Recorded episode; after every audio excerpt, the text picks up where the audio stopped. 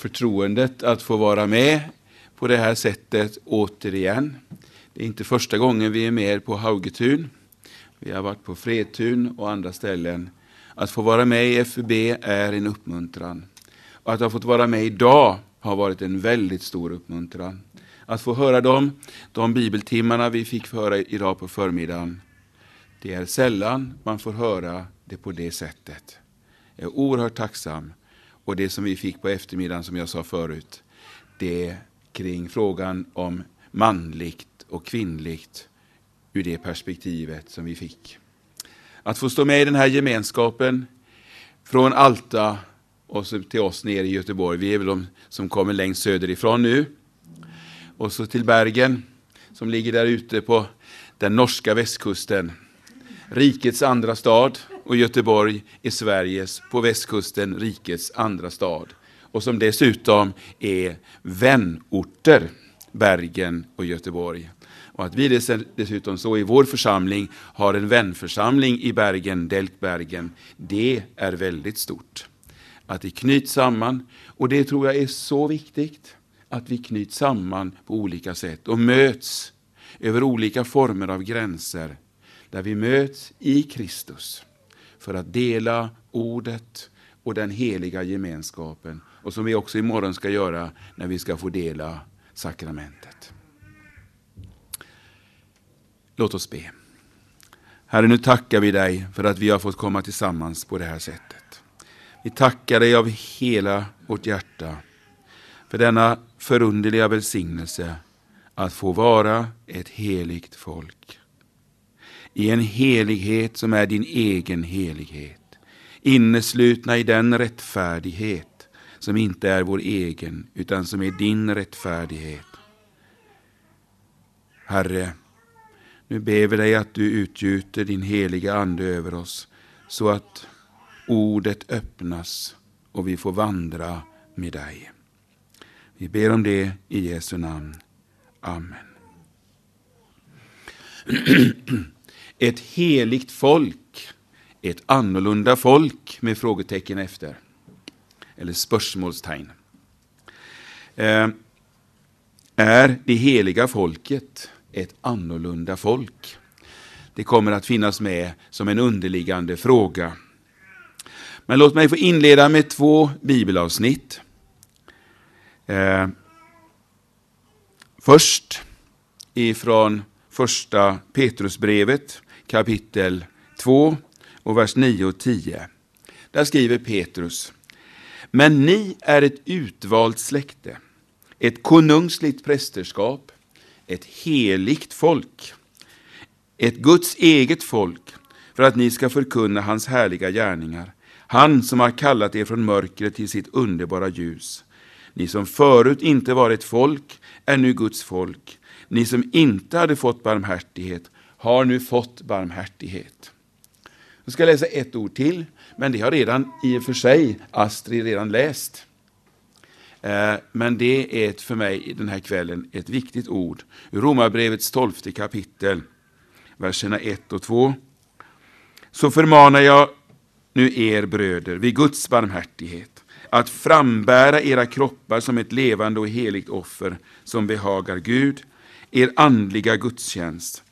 Och anpassa er inte efter den här världen, utan låt er förvandlas genom sinnets förnyelse, så att ni kan pröva vad som är Guds vilja, det som är gott och fullkomligt och som behagar honom. Vi drar först ett streck under ordet ett heligt folk. De, just det uttrycket, åtminstone i svensk översättning, finns på fem ställen. De fyra, de, det ställe som vi nu har läst är det enda i Nya Testamentet. Men det finns på fyra ställen i Gamla Testamentet. Eh, redan på Sinai berg, eller vid Sinai berg, så talar Gud genom Moses till folket alldeles i början av ökenvandringen och säger Ni ska för mig vara ett rike av präster och ett heligt folk. Detta är vad du ska tala till Israels barn. Tre gånger kommer sedan Moses tillbaka till det ordet, ett heligt folk.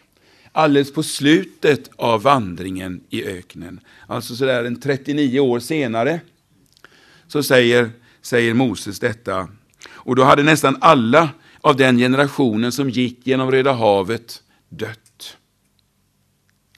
Det är egentligen bara Josua och Kaleb som är kvar av den vuxna generationen. Och en ny generation av Israels barn får nu höra, ty du är ett heligt folk inför Herren din Gud, och dig har Herren din Gud utvalt för att vara hans egendomsfolk framför alla andra folk på jordens yta. Och sen vid två tillfällen, jag ska bara läsa det ena, så, så säger, upprepar Moses detta alldeles i slutet av femte Mosebok. Det står i, eh, i det 28 kapitlet. Herren ska upphöja dig till ett heligt folk åt sig, så som han med ed har lovat dig, om du håller Herrens, din Guds bud och vandrar på hans vägar.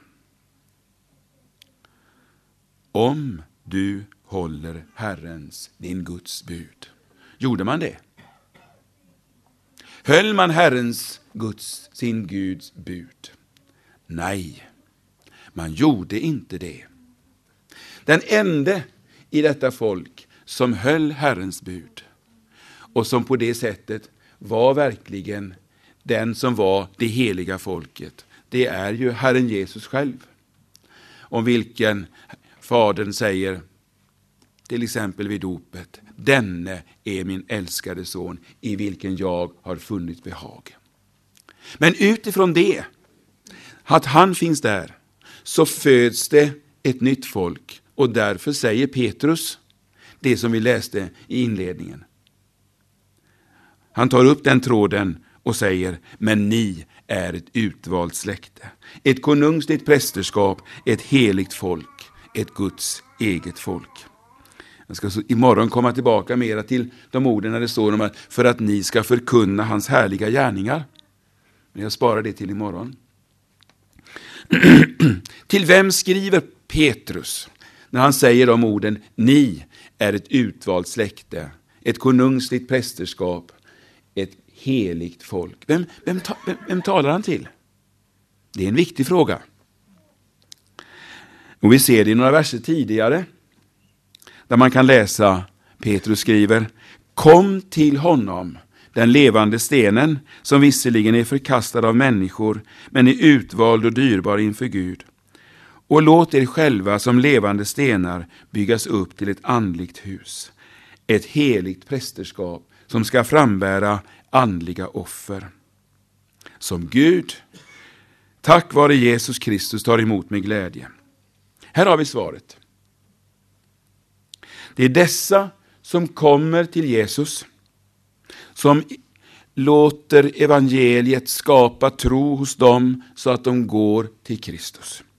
Han som är den levande stenen och låter sig uppbyggas till ett andligt hus och så blir de ett heligt prästerskap. Det ska vi komma tillbaka till så småningom. Det är möjligt att Petrus primärt skriver till judekristna men på flera ställen i brevet är det alldeles tydligt att också hedna kristna är involverade i hans, bland hans adressater. Eh, och då betyder detta att de som Petrus skriver till, det är ett heligt folk. Det är de Kristustroende, judar såväl som hedningar. Ja, det som Petrus, de som Petrus skriver till, det är de kristna i alla tider. De som kommer till Jesus Kristus. De är, säger Petrus, ett heligt folk. När nu Petrus använder det uttrycket, ett heligt folk, så sätter han in det i raden av fyra olika uttryck eh, som knyter an till varandra. Han talar om ett utvalt släkte, ett konungsligt prästerskap, ett heligt folk och Guds eget folk. De fyra hör ihop. Alltså ett utvalt släkte, ett konungsligt prästerskap, ett heligt folk, Guds eget folk. Man kan på, på eh, via Google finna fascinerande nattbilder tagna av eh, NASAs satellitkameror. Bilder av jordens kontinenter där man ser jordens städer som ljusa prickar. Storstadsområdena lyser på ett alldeles speciellt sätt. Det blir en väldigt märklig upplevelse att se det. Se det, liksom, det är natt, men det är fullt av ljusa prickar. Ljusa områden. Man ser alltså var det är tättbefolkat, man ser var det är glest. Man kan också se den stora skillnaden mellan Nord och Sydkorea. Eh, Sydkorea är mycket ljust, men Nordkorea har bara en endaste liten prick, Pyongyang. Trots att det bor 24 miljoner människor där så syns inte det, därför att det bland annat är brist på elektricitet. Vänner, jag vet inte om ni tycker att jag är lite ohelig när jag nu ska göra följande experiment. Eller vi tar ett tankeexperiment. Och det är att vi fick stiga upp i en högtflygande helikopter, en specialhelikopter, för att med Guds helige andes värmekamera liksom få se ut över jorden. För att få se det som Herren ser. När han ser världens städer, byar, landsbygd, de olika kontinenterna ut över jorden. Och då skulle vi få se, det finns där, ut över hela jorden, ett heligt folk. I stad efter stad, i bygd efter bygd, eller som vi säger på svenska, i trakt efter trakt. Ofta är det bara en minoritet i landet, i staden eller byn, eller landsbyn. Somliga samlas i sto stora vackra kyrkor, eller flotta bönhus, eller i små bönhus. I små kyrkor eller kapell, eller i källarlokaler, eller under träd. Andra samlas i hem. Och somliga av dessa heliga har inte någon i sin närhet, har bara en radioapparat. Det är dessa Kristustroende som Petrus talar om och skriver till. Petrus kallar dem för ett utvalt släkte. Ja, det heliga folket är ett utvalt släkte. Därför att de har fått den helige ande. Det har de fått på det sätt som Petrus skriver, eller säger på den första pingstdagen. Omvänd er och låt er alla döpas i Jesu Kristi namn till era synders förlåtelse, så ska ni som gåva få den heliga Ande. I Bibelns och världens begynnelse hör vi om hur Guds ande svävade över vattnet. Jag vet inte om ni har funderat över vad som kan ligga i det. Jag säger inte att jag har svaret, men en sak som det för mina tankar till, det är att här, på denna jord, det som somliga kallar för tellus, där har Gud utvalt, denna jord har Gud utvalt, för att där ska han uppenbara sitt namn. Där ska han, bland alla, hela universums, hela liksom detta alltet så har han utvalt en endaste liten planet på vilken han skulle förhärliga sitt namn. Det är alldeles ofattbart. Bland dessa miljarder och åter miljarder, och där somliga finns på miljarder ljusårs avstånd, där finns de så gigantiskt långt borta. Och bland allt detta så var det en som han utvalde för att förhärliga sitt namn och Guds ande svävade över vattnet. Gud har utvalt sin egen son. En endaste man på denna jord har varit hans utvalde.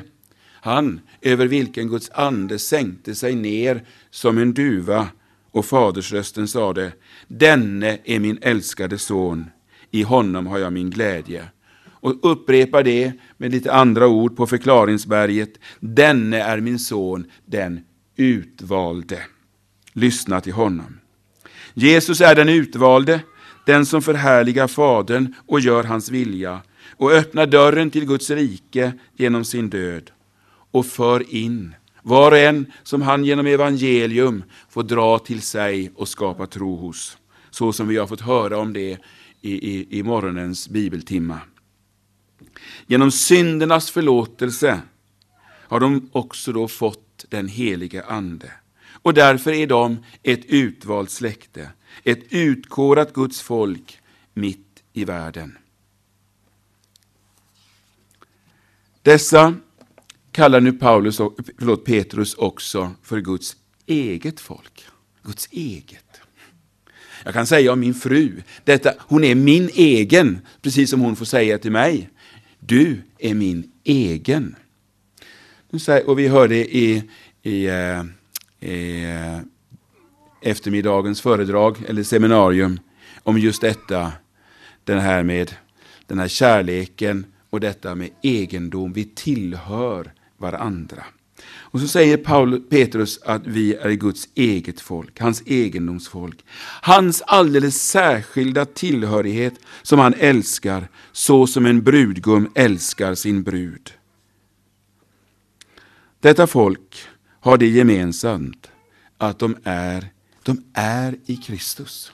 Evangeliet har skapat tro i dem och de lever i honom oavsett vilket språk de talar. Nordsamiska, norska, nynorska eller bokmål, eller svenska eller danska, eller kinesiska eller ryska eller någonting annat. Vilket språk det än är, så är det denna tro, tron på Herren Jesus Kristus. Eh, och Vi ska senare komma tillbaka till detta, det som, som kallas för ett konungsligt prästerskap. Petrus säger, men ni är ett utvalt släkte, ett heligt folk, ett Guds eget folk. Kära ni, detta är vår identitet. Det är min identitet. Det är vår identitet. Vi är Guds folk. Guds egendomsfolk. Ett heligt folk. Det är så Gud ser på oss. Inte därför att vi är heliga i oss själva, utan som vi hörde det också i morse. Vi är inneslutna i en annans rättfärdighet och därför är vi heliga. Och inneslutna i denna rättfärdighet så är vi just ett heligt Guds eget folk. Och mitt i en förvirrad och identitetslös tid, eller förvirrad tid och identitetslöst släkte, i en postmodern tid, eh, så äger vi en identitet. Jag är hans. Jag tillhör honom. Jag får vara ett Guds barn och jag tillhör ett folk som går på tvärs över alla nationsgränser. Vi är Kristi kropp. Och vi är ett folk som äger en glädje som är så annorlunda, eller annerledes, heter det väl på norska. Eh, och främmande för de som inte äger den. Vi äger en invärtes frid som världen inte känner till. Friden med Gud. Att ha frid eller, eller fred med Gud. Alla mitt livs misslyckanden, alla mina fel, alla mina brister. Liksom hela mitt livs inre orenhet. Det ligger där gömt under syndernas förlåtelse. Och vad många sår en människa kan ha. Men vi känner honom som förbinder, läker, tröstar, helar och gör allting nytt. Och det gör oss till ett annorlunda folk. Det vet inte världen. Men vi har en kallelse att låta världen veta det. Men det tänkte jag tala mer om imorgon. Vi har en ung kvinna i vår församling, en sjuksköterska. Eh, och hon har berättat en, en, en, för mig mycket intressant sak från sin utbildning eh, i Umeå. De hade undervisning i, om vård i livets slutskede. Den icke-troende läraren, en erfaren sjuksköterska, berättade då att hon aldrig hade sett några andra än kristna människor vara trygga inför döden. När Gud ser på sitt utvalda släkte, det utvalda gudsfolket, så ser han dem som han vill göra evigt lyckliga. Och han håller dem i handen också i den sista stunden. De bär inte med sig någon skuld när de går över gränsen, för de äger sin frälsares rättfärdighet. Och han har tagit bort deras skuld. Det betyder visst inte att, all, att kristna alltid skulle slippa anfäktelse på dödsbädden. Men lika fullt så för Herren det sina i frid över dödens flod. Det såg den där läraren i palliativ vård. De kristnas dödsbädd är annorlunda. De är ett annorlunda folk, fastän de måste dö i samma plågsamma sjukdomar som andra människor. En helig Gud och ett heligt folk. Gud är i sig själv helig och han är den ende som är helig. Det betyder att alla Guds väsens egenskaper är fullkomliga. Allt som har med hans allmakt, hans allvishet, hans godhet och så vidare. Han är också fullkomligt fri från allt orent. Han är fri från allt som heter synd. Han är fri från all kärlekslöshet. Han är också fullkomlig i sin heliga vrede över synd, ohelighet och orenhet hos dem som han har skapat till sin avbild. Han är den helige, den som en syndare inte kan komma nära i sig själv. Vi har hört förut idag och jag vill upprepa det igen. Helig, helig, helig är Herren Sebaot. Det hörde Jesaja i eh, Jerusalems tempel och han såg Herren i hans härlighet sitta på en hög och upphöjd tron och han såg hur hans mantel uppfyllde templet.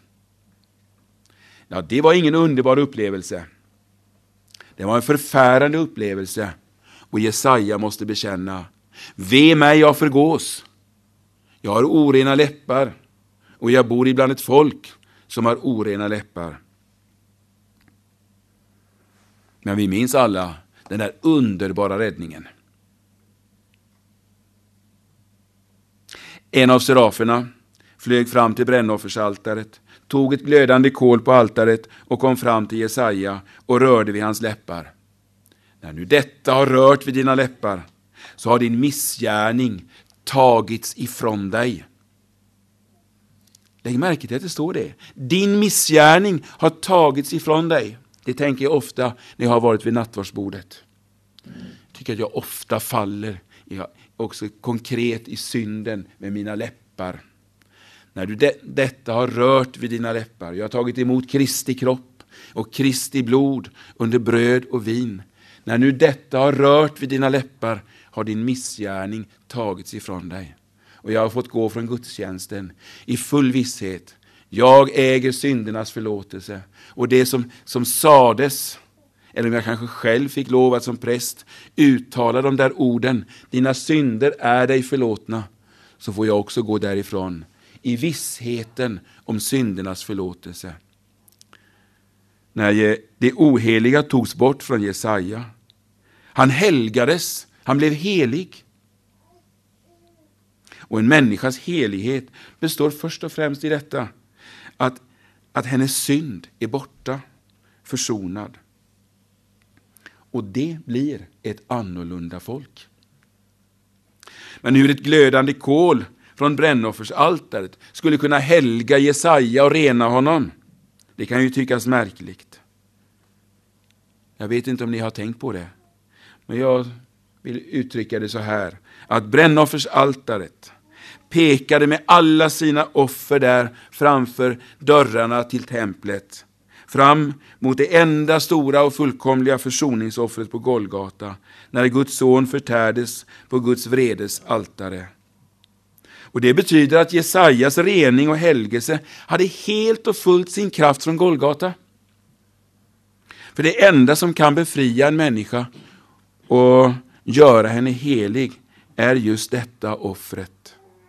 Att den, och det betyder att den som är renad i Lammets blod är helig. Och därför kallar Paulus de kristna han skriver till i församling efter församling för just de heliga. Alla dessa som i alla tider har tagit emot detta är det heliga folket, Guds egendomsfolk. Helig betyder alltså skild, av, eh, det betyder avskild eh, och för de heliga är dessa som är avskilda från sina synder. Ett annat perspektiv på heligheten, på Guds heliga folk, det är att de är avskilda för Gud. Avskilda för Gud. Jesaja blev renad för att vara avskild åt Gud för helig tjänst. Och de, de de är avskilda för att vara Guds folk. Ett folk som han i denna världen kan använda för att förhärliga sig själv på. Och därför kallas de just för detta, för Guds eget folk. De är vigda åt honom. Vi ska komma tillbaka till det när vi kommer till en helig kallelse imorgon. De lever mitt i världen. I sin förbön för sina lärjungar så bad Jesus den sista kvällen, några timmar före sitt lidande. Han säger så här till sin fader, jag har gett dem ditt ord och världen har hatat dem eftersom de inte är av världen, liksom inte heller jag är av världen. Jag ber inte att du ska ta dem ut ur världen, utan att du ska bevara dem för det onda. De är inte av världen, liksom inte heller jag är av världen. Man skulle kunna fundera ett ögonblick på vad är i det här sammanhanget det onda? Bevara dem för det onda. Ja, ett perspektiv på det i alla fall, det är detta att bli anpassad efter världen. Bli lik världen anpassad efter det liv som man, lev, som man lever i världen. Människorna som lever som Guds fiender. Jesus sände inte sina lärjungar ut till några, ska vi säga, retritplatser, några avskilda sköna trädgårdar där de i väntan på, på himlen kunde få liksom uppleva fröjder i paradisiska, paradisiska gårdar och vänta på himlens glädje. Han sände dem rätt ut i världen. Rakt ut i världen. Men den stora risken var att de skulle på något sätt försöka skaffa sig ett, eh, ett frirum genom att tona ner sin identitet, sitt ärende och sitt annorlunda liv. Jesu förbön ligger på linje med det som Paulus säger i det som vi har nu fått höra två gånger, både av Astrid och det jag läste. Så förmanar jag nu er bröder vid Guds barmhärtighet att frambära era kroppar och så vidare och anpassa er inte efter denna världen. Anpassa er inte. Heter det så på, på norska? Just det, tillpassa er inte efter denna världen. Här sätts vi på prov som ett annorlunda folk. Anpassningens och kompromissens ande är en lurande fara som verkligen sätter oss på prov. Nu förmanade Paulus också sina brevmottagare att bära fram sina kroppar som ett levande offer. Ett offer som behagar Gud, som är er andliga gudstjänst. Och då är Paulus inne på en terminologi som knyter an till ordet vi läste när det, så, hos Petrus, om, eh, där han skrev, ni är ett konungsligt prästerskap. Tänk om det, om med det jag säger nu och det som ska lyftas upp imorgon, om det fick bli liksom riktigt klart. Vi är ett konungsligt prästerskap. Vår identitet och vad det betyder. Jag hoppas att några olika glimtar av det ska, ska komma fram. Vi rör, också, vi rör här vid det som också ibland kallas för det allmänna prästadömet.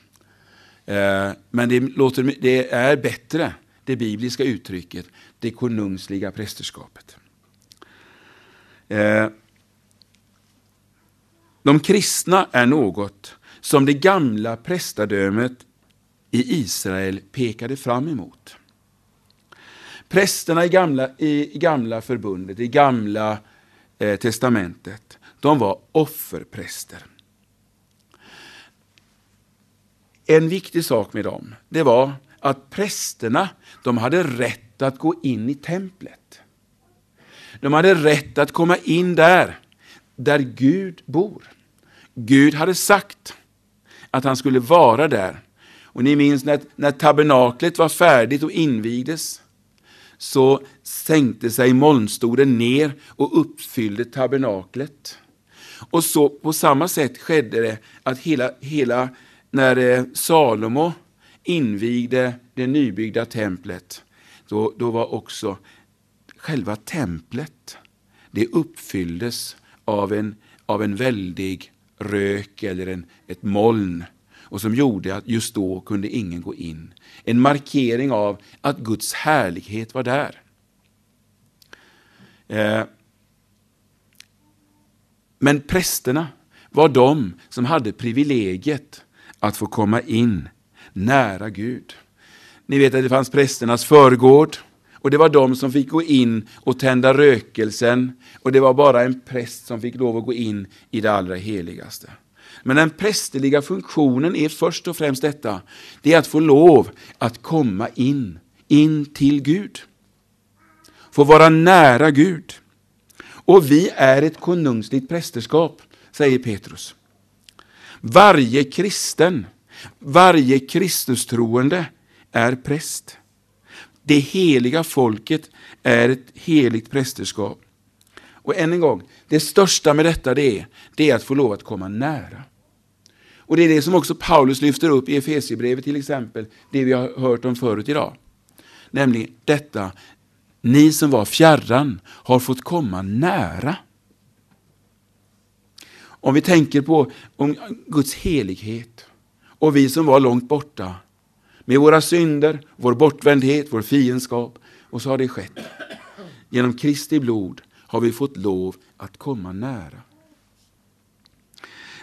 Och Det beror på att när Jesus gav sitt liv på korset så öppnade Jesus en ny och levande väg in till Fadern, in i den helgedom som inte är gjord med händer. Och så uppstår detta ofattbara privilegium att vi får lov att komma nära den Helige och kalla honom för far. Och som barn tala med honom om vad vi vill. Vi är män och kvinnor i dopet vigda till präster. Och detta När Paulus alltså skriver detta, att vi har fått komma nära, så är det just detta som är den prästerliga rättigheten. Att komma inför Guds ansikte och inte bli bortvisad. Där kommer inte den handen upp som säger du får inte komma. Men detta prästämbete är också ett offerprästämbete. Men vi offrar inga försoningsoffer. Vi betalar ingenting för att vi ska få lov att komma inför Gud. För det har Jesus redan gjort. Men vi offrar tackoffer. Och vårt tackoffer är att vi offrar våra kroppar. Och det är det som Paulus tänker på när han talar om att frambära våra kroppar som ett levande och heligt offer. Och det gör vi när vi följer Kristus i världen. När vi går bakom honom och gör det han vill. När, vi, när han som har gett sitt liv sa, följ mig. så följer vi honom som gick vägen till korset. Vi följer den korsfäste. Och det betyder att vi, det annorlunda folket, det heliga prästerskapet, vi korsfäster vår naturliga önskan att följa världens väg och att tänka som människorna i världen gör. I världen så lever människan för sig själv. Incurvatus in se, inkrökt i sig själv, för sin egen skull. Du måste tänka på dig själv. Du måste ju först tänka på dig själv. Ja, du måste liksom unna dig något. Men Jesus säger, allt vad ni vill att människorna ska göra er, det ska ni också göra dem. När människorna i sin besvikelse över andra fylls av bitterhet så säger Jesus till sina, sina lärjungar och sina vänner, han säger älska era ovänner. Det är inte så lätt. Älska era ovänner. Be för dem som förföljer er eller talar illa om er. Lämna hämnden åt Gud. Låt oss vandra lite grann ytterligare så här konkret. När människor, eller många människor är upptagna av eh, att säga de senaste maträtterna, matlagningsprogrammet eller de kulinariska upplevelserna, så säger Jesus, sök först Guds rike och hans rättfärdighet, så skall allt detta andra tillfalla er. Och så får Jesu lärjungar också sätta sig till bords. Precis som vi har fått göra här idag och äta, under, äta lax. Men vi gör något som de inte gör i världen. Vi tackar Gud.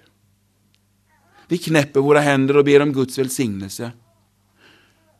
Och vi äter med tacksamhet och låter Gud få äran för denna väldiga nåd att vi får äta oss mätta.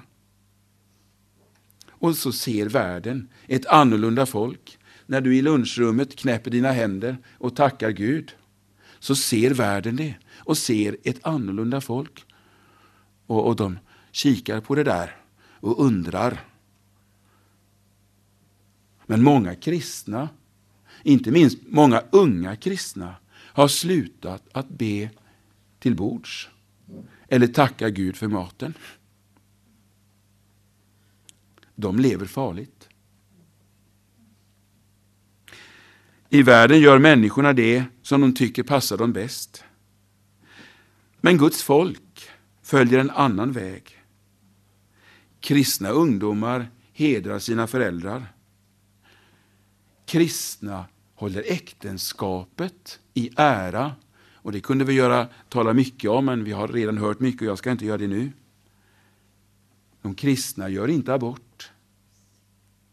De ser på sina pengar utifrån förvaltarens perspektiv. För deras pengar hör Herren till. Och som Jesu lärjungar är de noga med dem. De fuskar inte med skatter eller bidrag. De sparar för att ha att ge åt Guds rikes arbete. De ger akt på vad de säger. De svär inte. Missbrukar inte Guds namn. Fast jag kan höra unga kristna ibland ändå göra det.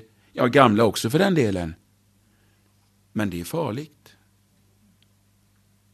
De talar inte illa om sina arbetskamrater eller om chefen i lunchrummet.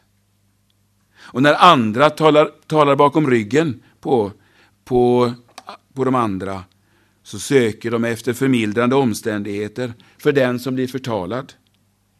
Och världen märker det, att detta är ett annorlunda folk och förundras. Be, beundrar ibland, blir inte så sällan irriterade därför att det rör ju ändå någonstans vid ett samvete som Gud har gett dem. Guds folk är på visst sätt inte alls annorlunda än andra. De upplever naturens skönhet i fjällen som alla de andra som älskar naturen. De njuter av sommarens värme, av blommornas skönhet, av att få bada i sjön eller havet. De njuter av det där som, som doftar. Vi har underbara rosor hemma i trädgården som Maria är, är så bra på att sköta om. De gläder sig åt fåglarna i trädet, pilfinkarna och deras ungar och flugsnapparens ungar som helt plötsligt fyller trädet utanför balkongen. Men de är annorlunda de kristna.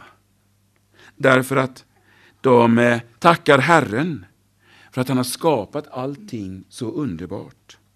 Och vet att det är han som har gett det här livet. Det är hans verk. Och därför är de också rädda om naturen. Därför att de vet att den är hans. Och med stor behållning kan de få gå på konsert i Trondheim med vänner och lyssna till vacker musik som andra musikälskare. De kan få njuta av vacker konst och få ha stor kunskap och förståelse, precis som många andra konstälskare. Men de är annorlunda på flera sätt. För de vet att källan till det sköna, var är den? Var är källan till det sköna? Jo, det är han som är skönhetens källa. Och så prisar de sin Gud när de hör eller ser det vackra. Men genom den helige Ande har de också en urskiljningsförmåga som andra saknar och kan skilja på det som är gott och det som är dåligt. Det som är, är äkta och det som är dåligt. Det heliga folket renoverar också de sina hus. Som så många andra. Eller får nytt hus. Och de gör det med omsorg. Men de gör det inte för att skryta. För att ha det finaste huset i, i grannskapet. Det största eller bästa. Utan för att bostaden ska få tjäna på bästa sätt för det, för det som är uppgiften. En god plats för familjen. Och en plats att visa gästvänlighet på. Inte för att visa upp någonting fint. Det blir en plåga. För både den som försöker göra det och för de som kommer. Men för att visa gästvänlighet. Men de tar också hela tiden i beräkning att de snart ska bryta upp härifrån. Antingen genom Herrens återkomst eller genom egen sjukdom och död. De kristna, det heliga folket, de lever i samma sargade och plågade värld som alla andra och har del i smärtan. De undgår inte de svåra sjukdomarna. På samma sätt som de andra behöver de läkarvård och sjukhusvård. Men de vet mycket som de andra inte vet. De vet att läkarens händer är i den store läkarens händer. Han som är Israels läkare. Och hoppet om arvet i himlen kastar liksom ett, ett ljust skimmer in över den mörka tiden och vägen. För döden har för dem mist sin udd genom Jesu Kristi uppståndelse. Och därför kan de också säga med Paulus, lever vi så lever vi för Herren och dör vi så dör vi för Herren. Som det konungsliga prästerskapet så är detta heliga gudsfolk ständigt där innanför förlåten. De bär fram sin egen nöd. Men de bär, bär också fram sina sjuka grannars nöd. Som också ger dem anledning att kanske gå och besöka dem, ta med sig en blomma eller ett vänligt ord. Det är inte eller, utan och ett vänligt ord. Och så gör mång, och det gör också många som inte känner Herren. Men de som inte känner Herren har inte det där ordet om Jesus att säga. Och ordet om Jesus är till sist det enda som kan hjälpa en människa i det verkliga mörkret och i dödens mörker. Till sist. Föraktad var han. Det är en liten överskrift i mitt lilla sista avsnitt här. Om vi låter blicken på nytt svepa ut över jorden för att se detta heliga gudsfolk som finns här och ända liksom bort där ner till den sydligaste spetsen nästintill av, av Sydamerika eller borta där i, i södra eh, Nya Zeeland. Det är långt borta det. Så ser vi det här med den där and, den heliga andes värmekamera. Så ser vi det här gudsfolket. Men då måste vi också konstatera att det inte finns någon grupp av människor på jorden nu som är så förföljda som de kristna. Även om vi här i Norden har det ännu i det yttre tämligen så lugnt. Men så är det så i ett globalt perspektiv, så är Kristi kropp en blödande kropp. Aldrig någonsin har förföljelsen av kristna varit så allvarlig som den är idag. På några timmar i ett flygplan från Gardermoen så kan man vara på orter där våra bröder vågar sina liv för att bekänna Kristi namn och får också offra sina liv. Utöver Nordkorea, liksom, eller bortsett från Nordkorea, så är det ju ändå främst eh, islamismen i sin, när den är i sin, jag höll på att säga, i sin äkthet. Som är orsaken till förföljelse. Där många länder går igenom svåra lidanden, eller de kristna i många länder. Vi hör mycket från Syrien, vi hör från Egypten, från Sudan och Somalia. Vi hör från Boko Harams framfart i norra Nigeria. Situationen i Centralafrikanska republiken är också fullständigt extrem. Lemmarna i Kristi kropp, de lider. Muhammed, som islam kallar för profeten, han är i sitt kristendomshat inspirationen. Och det blev tydligt när han flyttade från Mecka till Medina. Där kallar han till våld mot de otrogna, det vill säga mot judar och kristna.